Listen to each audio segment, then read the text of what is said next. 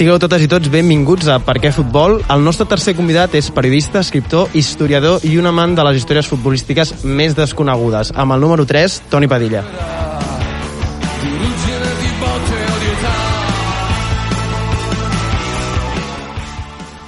Hola Toni, benvingut als estudis d'aquí d'UPF Ràdio, aquí al costat de la redacció del Diari de Barcelona. El Toni Padilla el coneixereu doncs, per estar al cap d'esports del Diari Ara, també per ser un dels fundadors de Marcador Internacional, per ser l'autor de llibres com Brasil 50 retratos del Mundial del Maracanazo, Atlas de una passió esfèrica o Atlas de los sueños olímpicos. Així que feta la presentació, Toni, benvingut, com estàs? Moltes gràcies, dorsal número 3, de lateral esquerra, eh? El, el de Paulo Maldini, m'agrada. Vale, pues, m'agrada que t'agradi, perquè a més és el meu número preferit del 3, així que, que tot funciona. A mi em fa molta il·lusió il·lusió que puguis ser aquí. Gràcies. I, i res, comencem, ras i curt. Eh, si li haguessis d'explicar a algú què significa el futbol per tu, com l'explicaries? És, és un pilar fonamental de la, de la meva vida, perquè al final m'hi dedico a nivell professional, per tant, doncs, oh, arriba aquell moment en què es barreja la, la passió amb, amb la feina, eh, creant en ocasions una relació d'amor i odi eh, en funció de, dels horaris de les notícies o de, o de l'atenció que pugui provocar i em sembla una matèria d'estudi des d'un punt de vista periodístic o, o també com des d'un punt de vista d'història um, apassionant, perquè sempre s'ha dit que és l'esport més popular uh, arreu del planeta, és ben cert que costa molt trobar un racó del món on la gent no, no, no segueixi aquest esport, hi ha esports que són molt populars a determinats continents, a determinades zones, però altres no en tenen ni, ni idea. En canvi, el futbol sí que és molt, és, és, és molt global. Llavors, juntament amb la música, segurament és la passió més global, la passió que et permet uh, crear ponts de comunicació amb persones de qualsevol altra cultura cultura, qualsevol altra religió, qualsevol altre idioma per, per parlar-ne, i això doncs, fa que sigui molt interessant perquè ens, ens permet explicar d'alguna forma el, el, el món, no? amb totes les seves coses bones i les seves coses dolentes. Llavors, a mi és una... des de sempre m'ha apassionat i és, una, és un pilar fonamental de la meva vida. No, no, molt, molt bona sacada inicial. La veritat que els tres convidats que hem portat de moment heu, heu explicat coses molt interessants i, i et vull agafar primer per això que has dit l'impacte social i la història. Fa un, fa un temps et vaig entrevistar i em parlaves de Hobsbawm, mm. que ell deia que segurament l'esport o el futbol se'l podria mostrar com un indicador més de, de com funcionen les dinàmiques socials i tot això, vull dir, estàs totalment d'acord, no, d'això? Sí, sí, uh, Hobsbawm mm, segurament és el, un dels historiadors més importants de, del segle XX perquè va canviar moltíssimes coses ell té un, als anys, crec que és als anys, als anys 60 treu un, un llibre deliciós sobre el jazz en què més enllà d'explicar els èxits eh, dels músics de jazz t'explicava com el jazz canviava la societat, eh, com de sobte doncs, músics de segons quins barris, de segons quins orígens socials podien arribar a segons quins palaus, a segons quins auditoris, i, i, i va ser un llibre molt revolucionari perquè estava començant a utilitzar la música, però no només la música potser més oficial, la música més de palaus, la música més d'òperes, la música més de, de, de, de grans sales de concert, sinó ha música que sortia d'una planta baixa plena de, de, butri, de brutícia d'un barri de, de, de Filadèlfia, i de sobte aquí doncs, un noi afroamericà o un immigrant d'origen italià es, es coneixien i creixien una complicitat que segurament en un altre moment de la vida no l'haurien pogut fer, però de sobte es posaven a improvisar i d'aquí en sortia doncs, una, una improvisació musical magnífica que algun productor l'escoltava i acabaven tocant a Carnegie Hall o a un gran escenari. I llavors aquell llibre va ser molt, molt, una gran revelació per a moltíssimes persones, perquè es, es van adonar que, que la història es podia explicar de diferents formes, en diferents direccions. Sempre la història l'han escrit els que guanyen. I això significa que és un home amb un uniforme o amb un càrrec polític, sí. que més ha guanyat.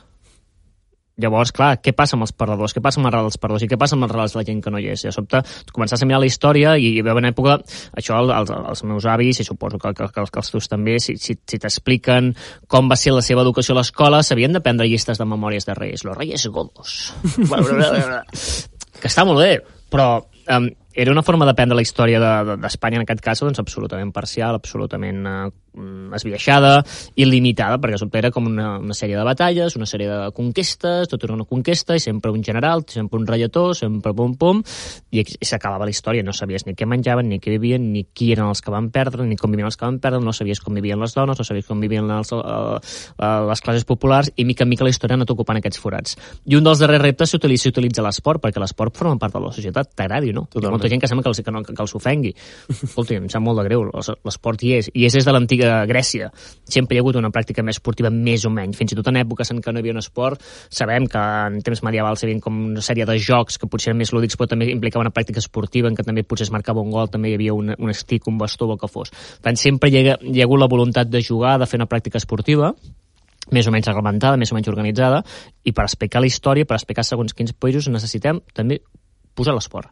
I això d'alguna forma és el que està passant bé als, als darrers anys, tot i que a casa nostra anem encara una mica segurament a, a lents si ens comparem amb, amb britànics, amb italians, amb, amb francesos, que aquests ho, amb nord-americans, que aquests ho fan, ho fan millor. Mira, em va genial que hagis parlat de, de britànics, perquè et volia parlar d'una cosa que jo tinc la sensació que a dia d'avui només concebim els anglesos, o només els hi deixem que puguin ser ells, que és ser de clubs petits. I, i no ho dic com algú dolent, sinó com mm. Que, que a Londres tu siguis del Wimbledon i no siguis ni del Tottenham ni del Crystal Palace, és una cosa que pot ser totalment normal. Però aquí a, Barça, aquí a Barcelona, a Catalunya, que tu no siguis del Barça o de l'Espanyol o del Madrid, mm. per exemple, és com, i, i, bueno, inversemblant. Com pot ser d'un club petit? Tindràs un altre club, la gent del Girona, no? Sempre els som, bueno, som del Barcelona i del Girona. O sigui, tenir un altre club aquí o tenir un club gran és el més normal. I aquí ser d'un club petit, és a dir, en el teu mm. cas, Arlequinat, del Sabadell, és com algo inusual. Sí, som, som, som raravis, som, la Guinea ens mira com si fóssim experiments de com un monstre mutant que surt d'una un, proveta i diuen què t'ha passat, quin, quin secret amagues. Sobretot sospiten de nosaltres, és molt curiós, sempre que, que dius que tu ets, que, que ets el Sabadell, la gent sospita, vale, de quin equip més, o què amagues, o ho dius Exacte. això per quedar bé, no? Quan més, més proves, en, a, en el meu cas, no, no, no puc donar de que és la, la, la meva gran fe. A mi el que, el que ho fa més fins i tot potser dolorós és que no és només el cas de, dels britànics, és que mires altres països i és més habitual del que sembla que la gent sigui d'un equip petit. Mm. A Alemanya els camps de quarta divisió estan plens. Clar. La gent de Saarbrücken és del Saarbrücken, la gent de Wattenscheid és del Wattenscheid, la gent d'Uerdingen és de l'Uerdingen. És cert que quan es produeixen moviments migratoris, tant interns com, com externs, els grans clubs poden exercir de porta d'entrada i en totes les ciutats trobaràs molts aficionats al Bayern. És cert que trobaràs noves generacions que gràcies al, als videojocs o al fet de poder veure des de casa molts partits assumeixen que, que són d'un equip estranger i segurament doncs, molts, hi ha molts joves berlinesos que s'han fet els darrers anys o del Chelsea, del Manchester United, o del Barça, o del Madrid, o de la Juventus. Passen aquestes històries, però Um, a Itàlia també és bastant habitual. Sí que, sí que la Juve és el més popular, però la gent de Terni és de la Ternana, la gent de Salerno és de la Salernitana, i la gent de Caserta és de la Casertana. Llavors hi ha molts de la Juventus, molts de l'Inter, molts del Milan, però els estadis s'omplen relativament. Aquí, aquí hi ha algunes zones on per qüestions socials, històriques, que, que, que és interessant explorar. Òbviament al País Basc la gent és molt dels seus, dels seus equips, sí. Astúries, de nhi Vigo, Corunya, Sevilla ciutat, hi, hi ha llocs on sí que la gent és molt de l'equip local. Fa, fa, fa uns anys recordo que em van preguntar sobre això i, i vaig, sobre què passava a Catalunya i, i recordo que a més que, que va ser una experiència una mica dolorosa perquè van com, el titular que van escollir el van com, com tallar no? I, i va, va quedar i va, tant, tant em torna això i, és el teu moment de... de... Que el, el titular que van posar era um, a Catalunya hi ha un problema hi ha massa gent del Barça una cosa així no? que jo, quan, jo el que volia explicar és que Catalunya té un problema o sigui, referim al procés. I referim-me que segurament per intentar explicar per què el Barça per què a Catalunya la proporció de gent que és d'un sol equip, que és el Barça, és superior a la que pot passar a, a Baviera amb el Bayern, que trobaràs molta gent del Múnich 1860, del Nuremberg, o dels altres equips, del Greuther Fürth, o d'altres equips que, que, que allà, és perquè a Catalunya tenim una situació anòmala, que és el procés. Això li dona al Barça aquesta condició d'exèrcit de Senat de Catalunya, d'ambaixador internacional de Catalunya, i el paper del Barça havent-se eh, manifestat políticament ens permet explicar en part per què el Barça té això. Llavors, jo em referia al problema que existeix, que és evident. No? Jo, ficat el títol així semblava com si ho criticava, no? quan, es, quan estava d'alguna feina analitza, analitzant-ho. Per mi em sembla evident de que, de que el Barça és i serà l'equip amb més aficionats, ho, ho veig normal, em sembla bé, però sí que és cert que em sap una mica de greu que ciutats amb moltes personalitats eh, no tinguin prous aficionats de, dels seus equips. El que està passant a Lleida és tristíssim, i veure que només hi van 200 persones a protestar, Nàstic sempre, a Tarragona sempre m'ha semblat un lloc molt digne, molta gent del Nàstic. Girona és un cas raríssim, Girona, perquè sí que és, sí. crec, crec, que és, crec que és una història d'èxit d'un club que ha venut molt bé la seva marca a Girona i a tot Catalunya aconseguint ser una mica el segon equip de molts catalans però els que tenim memòria i, envoltat i, la, i això qualsevol persona a Girona t'ho dirà, o si agradi o no, t'ho reconeixeran públicament o llavors en, en privat és un fenomen dels darrers anys, és un bolet. Clar. Jo recordo pujar a Montilivi en partits de tercera divisió, Girona-Sabadell, hi havia més aficionats al Sabadell. Pujàvem mil nosaltres i eren 500. Lateral estava tancat perquè més es queda trossos i i, i fins i tot la broma que jo vaig tenir la sort de començar a treballar a l'esportiu que, que, que, que tenia la seu central a Girona i la gent de Girona sempre feien la broma fins i tot de que els pocs socis del Girona que hi havia molts eren madridistes perquè el Girona era el Barça. I de sobte quan el Girona té un èxit sí que s'hi van sumar i han creat un producte molt bo que que tinc l'esperança i estic convençut que fins i tot en cas d'un descens que tant de bon arribi a primera federació, molts gironins ja es quedaran, ja, ja, ja hauran arrelat una miqueta. Seria molt bonic perquè era un cas molt, molt, molt estrany, però veus a vegades històries molt, molt tristes de com s'han deixat morir projectes, al Figueres, per exemple, em penso, sí. i sap molt de greu, i en això doncs el Sabadell m'ha estat una miqueta com, com, com un, la resistència, sí. no? l'aldea gala d'estar de, de, vivint a tot just mitja horeta de Barcelona i aconseguir tenir gairebé 5.000 socis i portar doncs una, una una massa social de que, que és molt fidel. Som una miqueta estranys en aquest sentit, però a mi m'agrada. No, però eh, ho deies, en, o sigui, amb això de la, de la fidelitat, jo crec que és, és totalment això. O sigui, a Catalunya jo crec que sí que comencem a concebir que tu és això, del, si ets del Girona segurament siguis del Barça, però si ets del Sabadell o del Nàstic, pot ser que només siguis del Sabadell o del Nàstic, per exemple. És a dir, Correcte. perquè tenen un, un no sé què, aquests clubs tenen un aura, han construït això, un, un, una història al seu voltant que que tu pots creure que aquella gent sigui fanàtica, ja m'entens, d'aquells dos clubs, i crec que és, en part també és algo admirable, o que heu, heu aconseguit això, la resistència, no? Continuar lluitant i que la gent no es cregui que, que sou únics. I ha costat molt. De fet, és, és el meu cas. Jo, jo sóc només del Sabadell, sí, però és, fins que no començo a treballar com a periodista amb el Barça, no començo a crear uns lligams efectius amb el Barça. Perquè a casa meva el meu pare em va educar d'una forma que era a casa som del Sabadell tancats i els altres són merda. O així, eh? Vull dir, sí, sí, venia sí. l'Espanyol i, i quin odi els hi tenia, però venia el Barça i també els hi tenia odi el meu pare. I venia al Madrid Clar. i odi. Jo, aquests aficionats competint entre ells de ah, veus com no, no, no, no, no animes al Barça, ets madridista. I jo pensava, no has vist, no has vist el meu pare com ve al Madrid, que, que, que li fot una nata al senyor de la penya al costat madridista de, de Terrassa que ve i que al quartelillo. I els madridistes, ah, sou culers encoberts, i els pericos, ah, sou culers encoberts, i llavors els coses, no, nosaltres... I dic que no som ni una cosa ni l'altra, que som del Sabadell tancats. I, I el meu pare era això, era era molt curiós, cada cop que venia un equip visitant, buscava alguna raó per odiar-los molt. Aquests salvetis que venen aquí, no sé què... El meu pare és andalús, de, de naixement, i deia que són andalusos que no s'han adaptat, perquè ell, ell, sí que havia vingut d'Andalusia i s'havia fet el Sabadell. Uh, venia l'Atlètic de Bilbao, aquests són uns porcs que tenien el Javier Clemente, odiava molt el Javier Clemente. Uh, L'Espanyol, que si deia que eren uns fatxes. El Madrid, també, que aquests són de Madrid i venen aquí i ens diuen els catalans. Que els del Barça són uns prepotents que ens diuen la resta de catalans com hem de viure. Sempre tenia un reguitzell d'opcions per odiar tothom. Una mica Michael Jordan. No? Sí, sí, Michael Jordan de les graderies l'havien tret de, de quartelillos per barallar-se al camp del Palamós, al camp del Figueres, al camp del Nàstic, i havia vist boxejador de jove i era una persona molt, molt belicosa, i es anava amb la família i era com, va ser una educació no, no molt bona.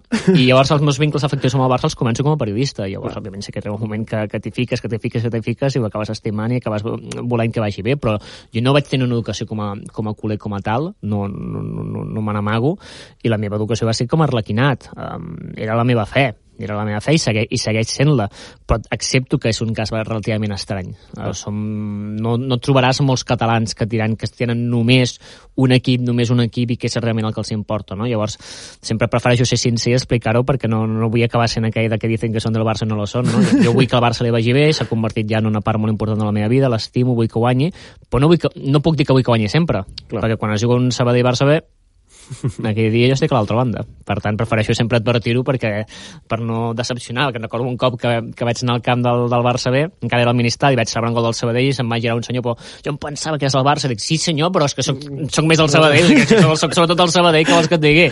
Mirar com decepcionat, i què? Però soc, soc nascut a Sabadell, els meus pares són socis del Sabadell, de, de, de, què vols que faci? Que no celebri? És clar, la que vaig celebrar el gol de Juvenelit Jove, 0-1. Bueno, doncs l'apunt ja el posarem a xarxes al gol. Em, i, I per últim, per tancar el tema arlequinat, clar, el club has dit que són 6.000 socis. Sí, amb, amb, aquest any hem batut el rècord. Des de que estigui més o menys computat, de, des dels anys 90, eh, s'ha aconseguit arribar al rècord, que eren 6.000 i pico.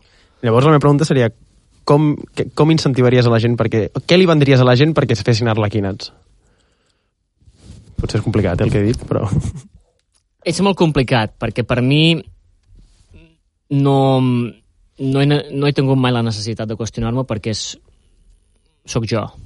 Clar. O sigui, és la meva vida, és la, la meva gent, és els meus barris, és els meus escenaris d'infància, són els meus records, no, no hi ha res més. Per explicar-ho a algú, que realment no, no, no, no, no tinc la necessitat d'anar a algú de, de Manresa i dir-li festa al Sabadell, no, diré, no. vés al, al Congost, tant el camp de futbol com el de bàsquet, i festa de la Manresa. No? Si, si encara no ets al bàsquet de Manresa, tens un problema, no? Um, però sí que és cert que el Sabadell històricament no només ha estat uh, una miqueta exercitat, una miqueta com de portar molta gent de tot el Vallès, i sí que una miqueta com, sí, com aquesta tarda tan bonica que és, que és el Vallès sí que m'agrada una miqueta que, que siguem com, com això. Doncs perquè t'explica... Crec que el que diria és que que en el fons, quan ets a la gent del Vallès i la gent de Sabadell, que, que no ho siguin, els diria que, que té molt a veure de com, com concepts, la teva concepció del, del món, que va molt més enllà que aquesta necessitat a vegades de ser com de sempre de les coses que, que brillen més, de amagar a vegades un punt d'inseguretat o d'una visió de, de, de la vida que a mi no m'agrada. I això va molt lligat, per exemple, amb un fenomen molt bonic que està passant a, Barcelona ciutat, que és que cada cop veus més gent jove que torna als camps de, de les viles i dels barris, i veus que hi ha molta gent jove que torna al camp de l'Europa, al camp del Sant Andreu, al camp del Júpiter, al camp de l'Hort, al camp dels Sants, a la Guineueta, que, que, que és un equip més jove però que arrossega molta gent, a la Monta... Sí, sí, sí, sí.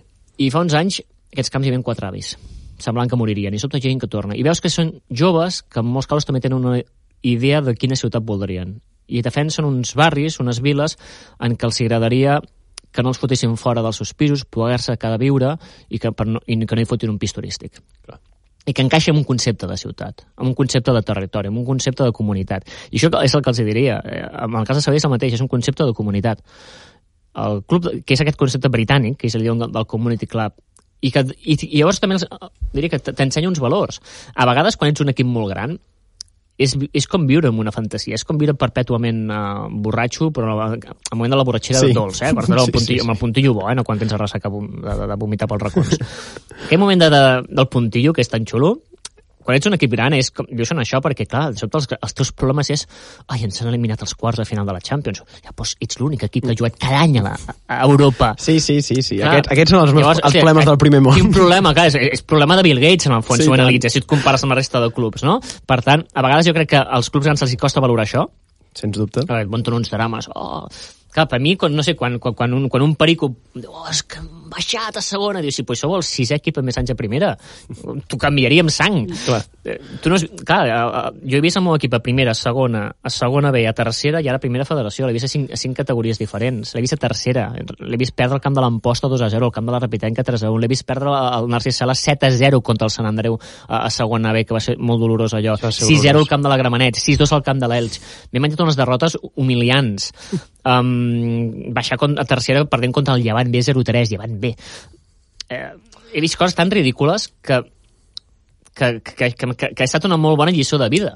Clar. Llavors, el, si, quan ets un equip així, no enganya, és una lliçó que, que et prepara per les derrotes, que et prepara pel, pel món, que t'ensenya moltíssimes coses, que, que, que, que, i que et dona un punt de fidelitat molt bonic. Per mi l'aficionat bo Uh, si, si algun dia passa, que no passarà i que no vull que passi, però imaginem que hi hagués un drama. Imaginem que Josep, Josep Maria Bartomeu s'hagués quedat. Aquest tio era capaç d'enviar el Barça a segona. Sí, sí, sí. sí Ho hauria sí. pogut fer? Tranquil·lament. Imaginem que el Barça hagués baixat a segona. No, no, ja estic patint. El... Els bons són els que s'haurien quedat. I tant, sens dubte. Els que, no, els que haurien estipat el carnet, els que no haurien anat, tenen tot el, el meu menyspreu més gran. I, I a tots els clubs els tenen. Sí, tant. Els que es van quedar quan l'Atlètic de Madrid va baixar a segona, els que es van quedar quan el València va baixar a segona als anys 80, els que es van quedar quan la Real Ciutat va baixar a segona, els que es queden quan el Sabadell baixa uh, de categoria, els que es queden quan el Nàstic baixa de categoria, els que s'han quedat amb el Girona baixant de primera a segona, aquests són els que tenen el meu amor. Els que decideixen que canvien es busquen un altre cop o desconnecten, ho sento, no és la meva gent i no és la meva forma d'entendre el futbol totalment, vull dir, comparteixo, perquè al final és com, si, si vens aquí a les... O sigui, no, com és el, el, la frase aquella, no? A les, a les dures i a les madures, no? Pues, si has vingut aquí per tots els èxits, ara quan les coses van malament, Correcte. lo fàcil no és escapar, queda-t'hi, perquè ara, ve lo, ara ve lo divertit. Correcte. Ara toca patir i... I, patir. I per això es va també a vegades el, el, el, els diàlegs intergeneracionals perquè el Barça ho ha fet tan bé els darrers anys que hi ha una generació que realment només ha vist èxits. I ara és bo també que parlin sí. amb els seus avis i que els avis et diguin jo he vist el Mets guanyant-nos 1 a 4 aquí a la Recopa, jo he vist aquí anys d'ús. I recordar que, que les crisis són cícliques i que aquesta és molt dura però que no és la primera ni l'última de, de la història del Barça. Doncs sí. Eh, expliqueu ja la baixa passió del Toni, que ha estat espectacular. Fem, fem un viatge en el temps i obrim el baúl dels records. Re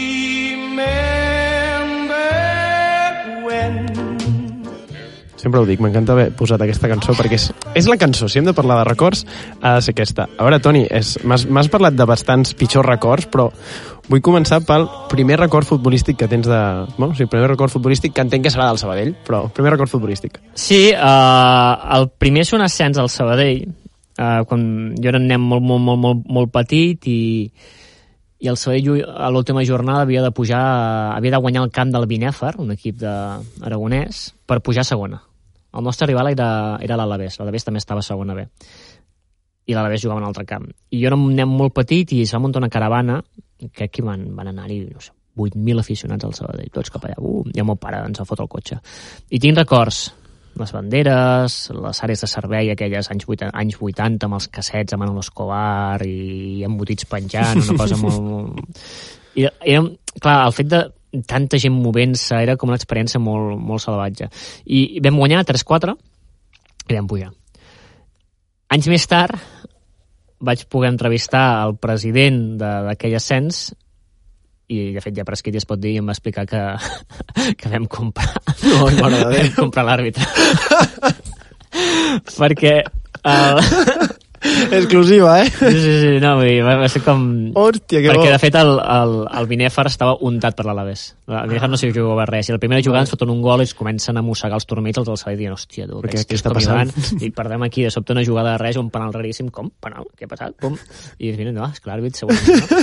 i llavors al descans la- un senyor va intentar comprar l'àrbit a través de l'Alavés va un merder, no? llavors aquell record d'infància va, va, ca- va quedar com una mica tacat i em van, em van ensenyar el que és la vida no? de com, Exacte. de com jugàvem contra un equip untat per l'equip rival i nosaltres hi vam muntat l'àrbit, no? Um, que per escrit vam, vam pujar, segurament els una gran públicament, um, però t'explica molt també el que era el futbol d'aquella època, però és el primer Totalment. record que tinc, perquè més un any després consecutivament pugem a primera divisió amb el 2 a 0 contra l'Atlètic madrileño i eh, que va ser aquella festa va ser, aquells dos anys a primera divisió van ser una cosa meravellosa. Jo era un nen molt petit i tinc records així més o menys doncs, alguns partits els recordo bé sobretot el 3 a 2 contra el Madrid a la Copa. I remuntar-li el Madrid d'Hugo Sánchez de Butragueño va ser una autèntica bogeria que després ens roben a la tornada al, al, Santiago Bernabéu a la pròrroga ens van robar i ens vam quedar a les portes d'arribar a les- al- als quarts de final de Copa i eren anys en què era, era molt excitant perquè hi ha un any que arribem als quarts de final de Copa contra la Real Societat els els, i perdem els penals.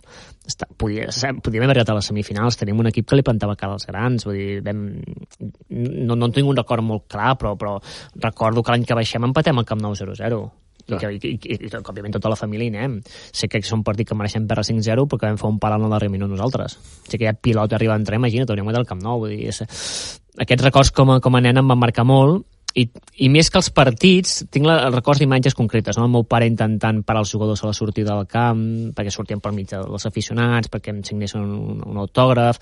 A aquella època, clar, ja, ja començo a tenir una edat, era molt difícil aconseguir una samarreta, no hi havia botigues oficials. Clar. Eh, passat també amb gent del Barça, llavors era molt habitual que, els teus, que els, les teves àvies et confeccionaven la teva samarreta pels nens. No havia samarreta. Llavors la meva la va cosir la meva àvia. I aquella samarreta cosida, que encara la tinc, és segurament el, el, el tresor més, més preuat que tinc i molts i passa el mateix amb molts aficionats del Barça o de l'Espanyol que tenen aquelles samarretes de llana gairebé d'un cotó eh, molt tupit que els hi va fer la seva mare, la seva tieta, algú, um, i és, és com un tresor que, o, la, o, les, o les bufandes de llana aquestes no? un dels meus millors amics encara va al camp amb una bufanda que, és, que l'ha anat heretant de generacions que és d'aquestes que la veus de llana tupi perquè és la que li va fer la seva àvia i això em sembla molt, molt més bonic que, que, que el marxandatge actual És que, a més, com has de canviar... O sigui, havent passat tots aquests records, com has de canviar de club? És que és impossible, és a dir... Perquè en el, en, parlaves de l'excitació, és a dir, quan tu ets tan petit o t'estàs formant com a persona i et passa tot això, com vols deixar-ho? Com vols deixar aquesta droga? És com, no podré canviar mai. Que, també, abans dèiem això, clar, o sigui, els aficionats del Sabadell hem viscut ascensos a primera, segona, els del Nàstic també, i, i en el fons és, és cert que per demanar a la gent que, que, que, que, doni suport a un club local, si no els hi dones de tanta no alegria és molt complicat. Llavors pots entendre que, que en alguns casos eh, la gent pugui, pugui, pugui acabar desertant, eh? perquè al final també hi ha una tendència molt moderna que és que mm, cada cop més sembla com que mm, tot és extrem i, tot és, i si no guanyes és un fracàs i si no eh, passa fins i tot amb, no sé, amb un esport deliciós que, que, que, que, que, segueixo, que també m'agrada molt, que és el bàsquet, a vegades hi ha molta gent que, que, que menys té el, el bàsquet que es juga aquí a casa nostra perquè ha de ser tot el, ha, de- tot ha de ser al màxim. Aquí no és, si no és Champions, si no és NBA, si no és Super Bowl, tot l'altre ja és merda, no? a mi em sembla merda aquesta actitud de la vida és, és patètica um, aquesta necessitat de, de penjar-se medalles és com, com la gent que, que, que no visitarà mai el cinema per veure una pel·lícula feta a casa nostra però clar, saben de memòria totes les coses de Hollywood i totes les americanades a mi això em, em cansa molt no? perquè de sobte, no sé, tens un jugador local que t'arriba a la NBA i és com si sembla que és un bolet. Doncs pues no, no, d'algun lloc haurà vingut, algun, però per algunes pistes haurà, haurà, pas, haurà passat, algun bàsquet formatiu haurà tingut, potser que valorem també més el, el que és això. A vegades crec que tinc la sensació que, que, que valorem a vegades, ara era una tendència de tot l'engròs, no? tot ha de ser el màxim, no? i bé, jo, jo no és la, la, la meva percepció de, de l'esport ni de la vida, però bé, Sí, això el, capitalisme, el capitalisme agressiu té aquestes coses. Exacte. Eh, passem al pitjor record. Ara explica'm... Uh, en tinc molts. en tinc molts descensos, descensos, descensos, descensos, descensos. Um, sí, el... però n'hi haurà un, sobretot. Quin et vaig dir? Em vas dir el del 88. Ah, va, el de la primera. A, a, aquest, de fet, tinc un, és, és, és, és, baixem darrera jornada a Sant Mamés. Perdem 2-0. Dos gols de Manu Saràbia, pare d'Aider Saràbia que jugava el seu darrer partit amb l'Atlètic Club a marxar al Logroñés. I o sigui, es volia acomiadar i va ser l'únic jugador atlètic que va, que va posar ganes. Jo crec que els, els altres, si perdien, els era igual. Eh, vam pujar, tot, hi havia mig estadi de Sabadell. Plovia. La Bilbao dels anys 80. No, és que a més a més... Uh, atur, terrorisme, droga, una ciutat que semblava hostil. Jo anava com, que, com cagat. I en veritat, no, ho admeto, l'Atlètic Club és un club que me l'estimo molt, per culpa d'aquell partit, perquè baixem, jo surto plorant i m'han començat a venir tot de senyors i senyores basques amb les xapeles. Oh, pues chaval, anímate, no vais a volver. M'han regalat una bufanda, no sé què, ens van tractar molt bé. I, i, i cert que aquella època queia molt malament l'Atlètic aquí pel tema Clemente, pel tema final de Maradona però a mi és un club que, que aquell record em va marcar molt jo he tingut la sort de fer amics a Bilbao i és un club que, que admeto que, que també li tinc certa, certa simpatia per, per aquell viatge. Va ser un viatge molt, molt iniciàtic, però després el, el, han hagut descensos doloríssims. Ja, cinc anys després baixem de, de segona a segona B, però per culpa dels deutes ens envien una, perdem dues categories en un, en un estiu. I, i passem de jugar un partit contra el Betis a segona el primer partit a tercera el juguem al camp de l'Amposta i el perdem. Allà va ser un trauma. Això va ser horrorós. Allà va ser un trauma. Però, però Uh, va quedar un record bo, perquè amb, amb jugadors a la casa vam pujar ràpid i la gent va tornar a l'estadi i va ser, uh, recordo fins i tot que, que es va fer una campanya perquè, per pagar l'aigua calenta de les dutxes, perquè els jugadors no s'havien de dutxar amb aigua freda, el club estava arruïnat i recordo que al passeig, al passeig a la plaça Major de, de Sabadell la gent posava monedes per fer dibuixar l'escut i era per recollir diners per, per pagar. o sigui, una cosa terrible. O sigui que les hem viscut a tots els colors. Aquests segurament són els, els dos descensos més, més, més dolorosos. I ara passem a una nota positiva. El millor em vas dir que va ser l'ascens de, de l'any passat? Sí, sí, perquè el, uh, amb el tema dels ascensos jo tenia una ferideta, que és que no havia pogut estar a l'ascens del 2011, quan pujam a, a Eibar, amb Lluís Carreras, entrenador, perquè aquell mateix dia es juga la final de la Champions a Wembley. Ai. I jo estava a Wembley. Clar. Llavors, jo volia ser a dos llocs a la vegada i no podia, llavors vaig ser a Wembley i va ser una experiència magnífica, però a la vegada um, estava a la sala de premsa que dur, de Wembley. Eh? Sí, està, sí, però també es va ser molt maco perquè... No, no, evidentment, eh? però aquesta Barça... dualitat... Sí, era voler ser a dos llocs, per tant sabia que, que o sigui, el Toni aficionat volia ser Eibar, el Toni professional volia ser Wembley, per tant, en el fons era una, una aposta bastant guanyadora, però el, vam pujar, vam pujar patint, el vaig mirar per Esport 3 a la sala de premsa de Wembley amb en, amb en Jordi Gil del diari Esport, que també és, és, és, és arlequinat, i, i els anglesos no en tenien res, perquè faltaven dues hores per començar el partit hi havia dos bojos cridant, no sabia, oh, what's that? No, it's my team, get promoted. I, però va ser una espineta de merda, no hi era, perquè mm, realment portàvem molts anys a segona B, sí que havíem viscut un altre ascens, però hi ha un any que baixem a tercera i tornem a pujar, pugem a Mieres, i aquell sí, allà sí que hi vaig ser aquell partit contra el Caudal, però va ser com una cosa molt diferent, perquè l'anada vam guanyar allà 4-0, per tant la tornada era com molt... O sigui, l'ascens, en els darrers 20 anys l'ascens bo me l'havia perdut. Clar. I, i el tenia, la, la tenia clavada aquesta. I llavors, clar, de sobte arribava al playoff, amb coronavirus, sense espectadors. El primer partit quarts de final contra l'Atlètic de Madrid B, que ens empaten al minut 90, anem a penals i, i guanyem. Me'l perdo, perquè jo estava treballant.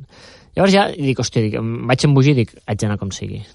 I bueno, intentaré acreditar-me. Em vaig acreditar, em van donar acreditació i vaig baixar per la semifinal que es jugava a Màlaga contra la Cultural Leonesa, que Cultural Leonesa té darrere Qatar, té Espatllar, tenia un equiparro. Sí, sí, sí. sí. També ens guanyem, anem guanyant, ens empaten, a la pròrroga ens marquen el 2 a 1 i nosaltres empatem al minut 120. Anem a penals, ells tenen un penal que si el marquen guanyen, el pare i en, Ma- i en Macall i acabem guanyant. Vaja, embogit. I passem a la final contra el Barça, bé. A Marbella. Estadi 8 Sí, sí, sí. i, i la sort de ser-hi, remuntant a un partit que juguem molt millor, Sí, que, que, que és cert que els, uh, hi ha un penal a favor del Barça bé que no es xiula, és cert, també. però també hi ha un penal a Aaron Rey a la primera part que no es xiula i que això molta gent oblida. I vaig embogir. I vaig embogir amb la, amb la celebració i clar, l'estadi estava buit, jo estava al costat de la llotja i estava a dos metres de Josep Maria Bartomeu. vaig embogir, espero no sé si em va veure no em va veure, vaig pensar, vaig sortir cridant com un boig i, i, i vaig ser molt feliç aquell dia. Perquè era després del coronavirus, a ser un estadi amb, amb un projecte que hi crec molt, que cert que any, que aquest any no va bé, però molta gent de la Castellans del club és, és gent que crec que, que sí com treballa i que ho estan intentant fer molt bé, que han aconseguit sobretot garantir un futur pel club, que a vegades la gent eh, el- els jutja perquè quan volem que, que es guanyi tothom vol més, però que cal entendre que fins fa poc encara el, el que han estat fent és garantir el futur del club retornant deutes, sanejant l'economia i aixecant de nou el futbol base, que el, que el tenim molt bé, amb un juvenil que pinta molt bé, que per tant han pensat més en llarg termini que no pas En curt curt termini. Crec molt en aquesta gent, passi el que passi aquesta temporada, sé l'amor que hi han posat, sé els diners que hi han invertit, i si allà, a més, hi havia un grup de 3-4 amics que, que, que un amb entrades de la catalana, un com a periodista, un amb la directiva hi érem, i poder viure-ho uh, va ser molt bonic. Eh, Amb quatre amics que són molt amics que vam poder ser dins el camp, al camp, a fora ens esperaven les, les nostres respectives parelles, que per cos de la vida doncs, eh, només una és sabadellant, que les altres són d'altres llocs, i han acabat acceptant la nostra bogeria, i, i estaven elles a un bar de, de Marbella esperant-nos, i, i veure la, lo contentes que estaven, perquè sabien lo contents que estàvem, és un dels records més bonics que, que, que tinc. Vaig ser molt, molt, molt feliç aquell dia. Va durar només un any, l'experiència segona, però com sempre tornarem tard o d'hora. Segur, segur, segur, segur, i és el que has dit, si hi ha projecte, segur que, que tornareu. De veritat que, que aquesta experiència, que com ho has anat explicant, eh, és, és molt difícil no somriure perquè per com ho expliques, per com ho has viscut, és... Jo si tingués un fill li posaria Néstor per Néstor Carol que marca el gol del triomf, el Nestoret, com, com me l'estimo. doncs, doncs, Toni, eh, moltes gràcies pel teu temps, eh, moltes gràcies per haver estat aquí explicant la teva passió. T'ho has passat bé, no? Sí, sí, sí, sí molt, ara espera. No sé si la gent que ens escoltarà dirà que passats els del Sabadell. Sí, són molt passats els del Sabadell. Clar que molt, sí, i què? clar que sí, Que n'aprenguin a Terrassa, perdó. Aquí, aquí, no, no, aquí venim això. No, no, no, perdó de res. Aquí venim a, a reivindicar les nostres baixes passions. O sigui, per mi, ja t'ho dic, ha estat un autèntic plaer. És hora de posar punt i final, ja sense la cançó de fons.